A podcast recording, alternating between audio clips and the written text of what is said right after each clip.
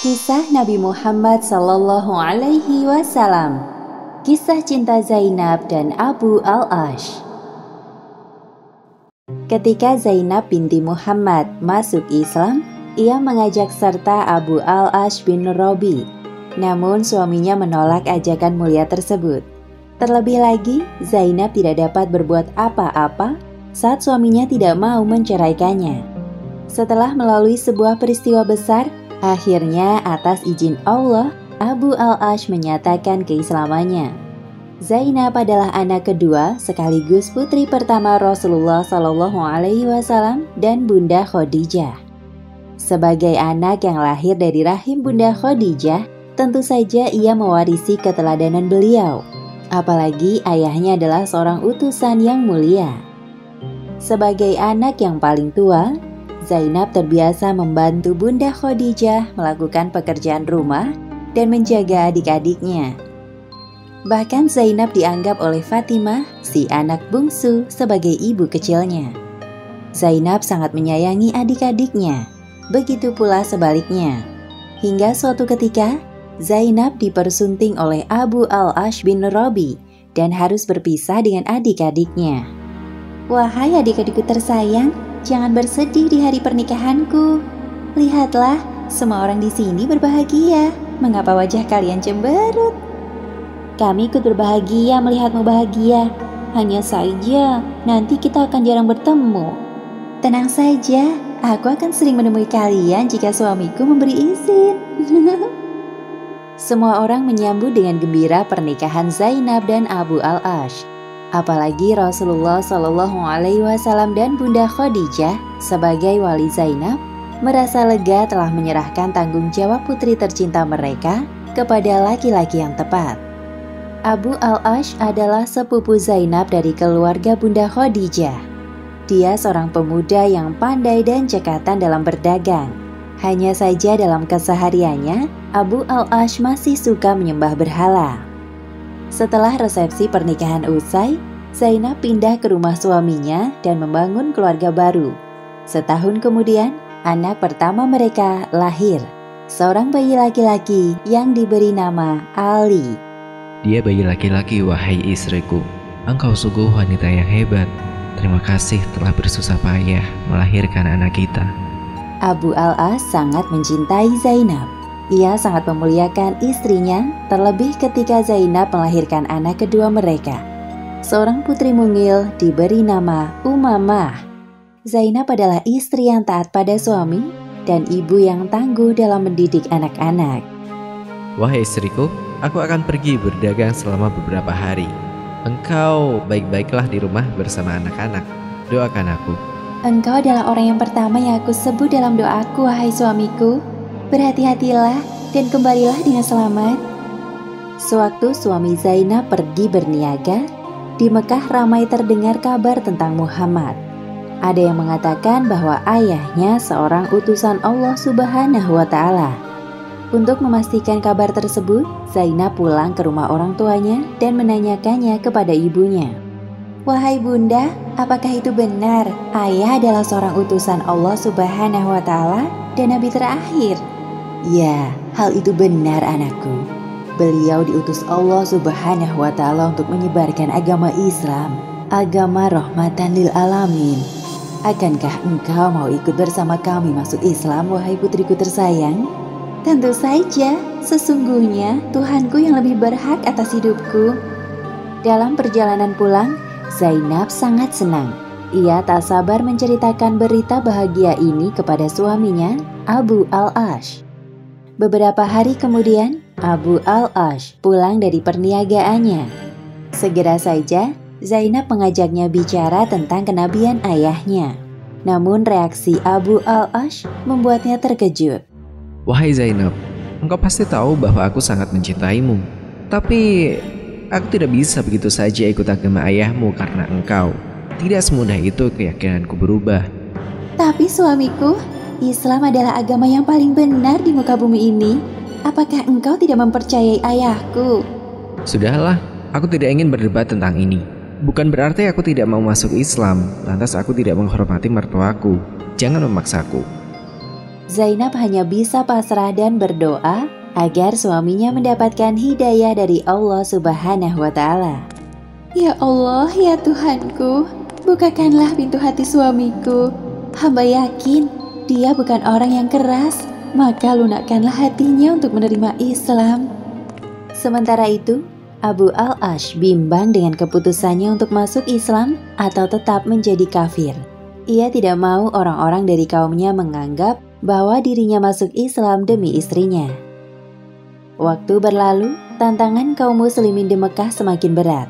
Orang-orang yang memusuhi Nabi Muhammad SAW mulai menghasut Abu Al-Ash untuk menceraikan Zainab. Namun Abu Al-Ash tetap tidak mau menceraikan Zainab dan juga enggan masuk Islam. Hal ini membuat Zainab sedih. Padahal dalam Islam, seorang muslimah tidak diperkenankan menikah dengan seorang kafir.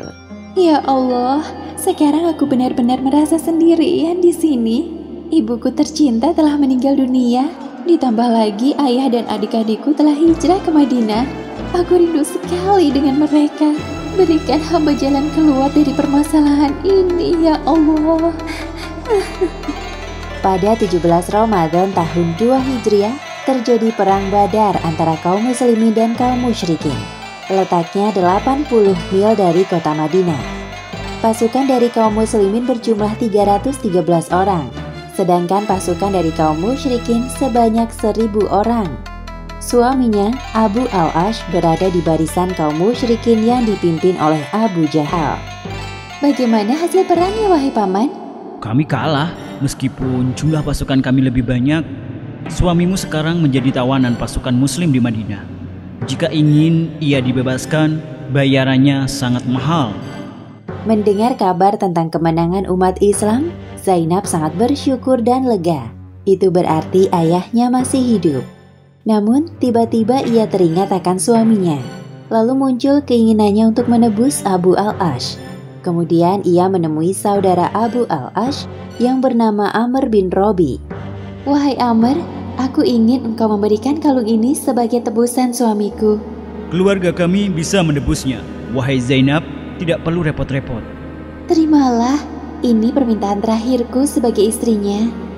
Amr bin Robi berangkat menuju ke Madinah dan menemui Rasulullah Shallallahu Alaihi Wasallam. Lalu ia menyerahkan kalung dari Zainab kepada beliau. Rasulullah Shallallahu Alaihi Wasallam tercengang melihat kalung yang dibawa saudara Abu Al-Ash. Itu adalah kalung pemberian Bunda Khadijah kepada Zainab di hari pernikahannya. Seketika itu juga Rasulullah tersentuh hatinya dan menawarkan sebuah syarat. Maukah kalian membebaskan Abu Al-As dengan syarat ia harus melepaskan Zainab dan mengembalikannya padaku? Hei, jawablah, wahai Abu Al-As. Baiklah, aku akan menceraikan Zainab. Sesungguhnya, Zainab tidak halal untukmu, wahai Abu Al-As. Akhirnya Zainab dan Abu Al-Ash berpisah. Sudah semestinya aku mengembalikan engkau kepada ayahmu. Kembalilah padanya. Meskipun berat melepaskan statusnya sebagai istri Abu Al-Ash, namun Zainab sadar bahwa perintah Allah dan Rasulnya jauh lebih penting dari sekedar perasaannya. Mari kita berangkat, wahai Zainab. Rasulullah telah menunggumu di Madinah. Genap enam tahun, Zainab dan Abu Al-Ash berpisah. Suatu ketika, Abu Al-Ash bersama kafilah dagangnya pulang melewati Madinah. Di perbatasan kota, mereka dihadang oleh pasukan muslimin. Namun beruntungnya, Abu Al-Ash dapat meloloskan diri. Tak disangka, Abu Al-Ash menuju rumah Zainab dan meminta perlindungan darinya. Zainab terkejut dengan kedatangan mantan suaminya. Mengapa engkau datang kemari? Wahai Zainab, pasukan muslimin telah merampas harta kafilah dagang kami. Tolong jadi jaminan untukku. Bukankah aku masih keponakan dari Bunda Khadijah dan ayah dari anak-anakmu? Engkau tahu bahwa aku bukan orang jahat. Baiklah, aku akan coba bicara dengan kaumku. Mendengar ketulusan Abu Al-Ash, Zainab luluh dan berbicara kepada kaumnya. Wahai kaumku, aku Zainab binti Muhammad. Di sini ada saudaraku, anak dari paman dan bibiku, serta ayah dari anak-anakku. Abu Al-Ash. Aku ingin kalian memberi perlindungan kepadanya. Rasulullah Shallallahu Alaihi Wasallam yang mendengar ucapan putrinya dapat merasakan ketulusan Zainab terhadap mantan suaminya, Abu Al-Ash. Wahai putriku, muliakanlah tempatnya dan jangan sampai ia berhubungan denganmu. Sesungguhnya engkau tidak halal baginya. Baik, terima kasih ayah. Kemudian para sahabat mengembalikan barang rampasan yang mereka ambil dari rombongan Abu Al-Ash. Sebelum meninggalkan Madinah, Abu Al-Ash berbicara dengan Zainab. Mereka telah mengajakku untuk masuk Islam, namun aku menolaknya. Aku tidak ingin memulai agama baruku dengan pengkhianatan.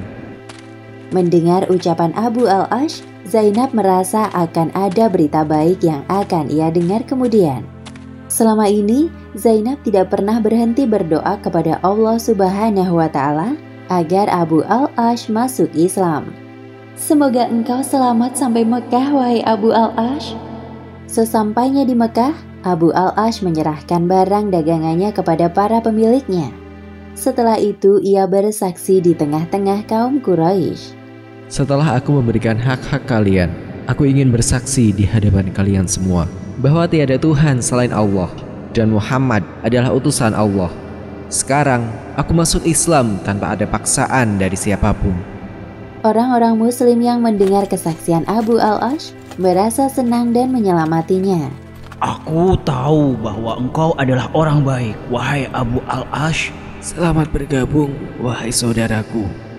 Setelah menyelesaikan urusannya di Mekah, dengan penuh semangat, Abu Al-As kembali ke Madinah dan langsung menemui Rasulullah sembari menyatakan kesaksiannya.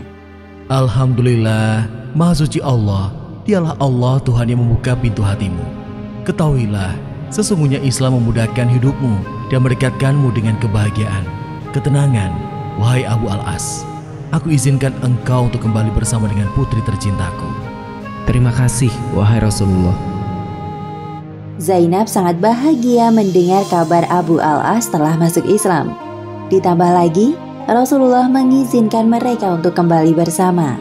Terima kasih ya Allah, Engkau telah mengabulkan permintaanku di saat yang tepat. Akhirnya, Zainab dan Abu Al-As bersatu kembali menjadi pasangan suami istri. Kali ini pernikahan mereka terasa lengkap atas naungan agama Islam. Abu Al-As sangat bersyukur bertemu dengan sosok wanita penyabar, tangguh, dan berhati lembut seperti Zainab. Wahai istriku, terima kasih telah bersabar menungguku kembali. Aku senang kita semua dapat berkumpul lagi seperti dulu kala wahai ayah dan ibu. Sesungguhnya ketetapan Allah itu nyata dan tidak dapat diubah. Pada tahun 8 Hijriah, Zainab berpulang ke Rahmatullah di usia 30 tahun karena menderita sakit. Tentunya kepergian Zainab ini menggoreskan luka yang dalam di hati Abu Al-Ash. Sekali lagi, terima kasih istriku telah hadir dan melengkapi hidup kami. Aku dan anak-anak akan selalu mendoakanmu. Dia adalah putri terbaikku, ya Allah. Berikan tempat terbaik untuknya di sisimu. Rasulullah Shallallahu Alaihi Wasallam yang ditinggalkan oleh Khadijah, istri tercinta, dan Rukoyah harus merasakan lagi duka atas meninggalnya Zainab. Demikianlah akhir kisah cinta Zainab dan Abu Al-As. Hikmah yang dapat kita ambil dari kisah ini, pertama, Zainab merupakan teladan bagi para muslimah agar bersikap sabar, tangguh, taat kepada suami yang soleh, penyayang, serta rendah hati, meskipun ia lahir dari seorang utusan Allah Subhanahu wa Ta'ala. Dan kedua, kita tidak dapat memaksakan seseorang untuk masuk Islam, kecuali Allah Subhanahu wa Ta'ala membukakan pintu hidayah kepadanya. Wallahualam bisawab.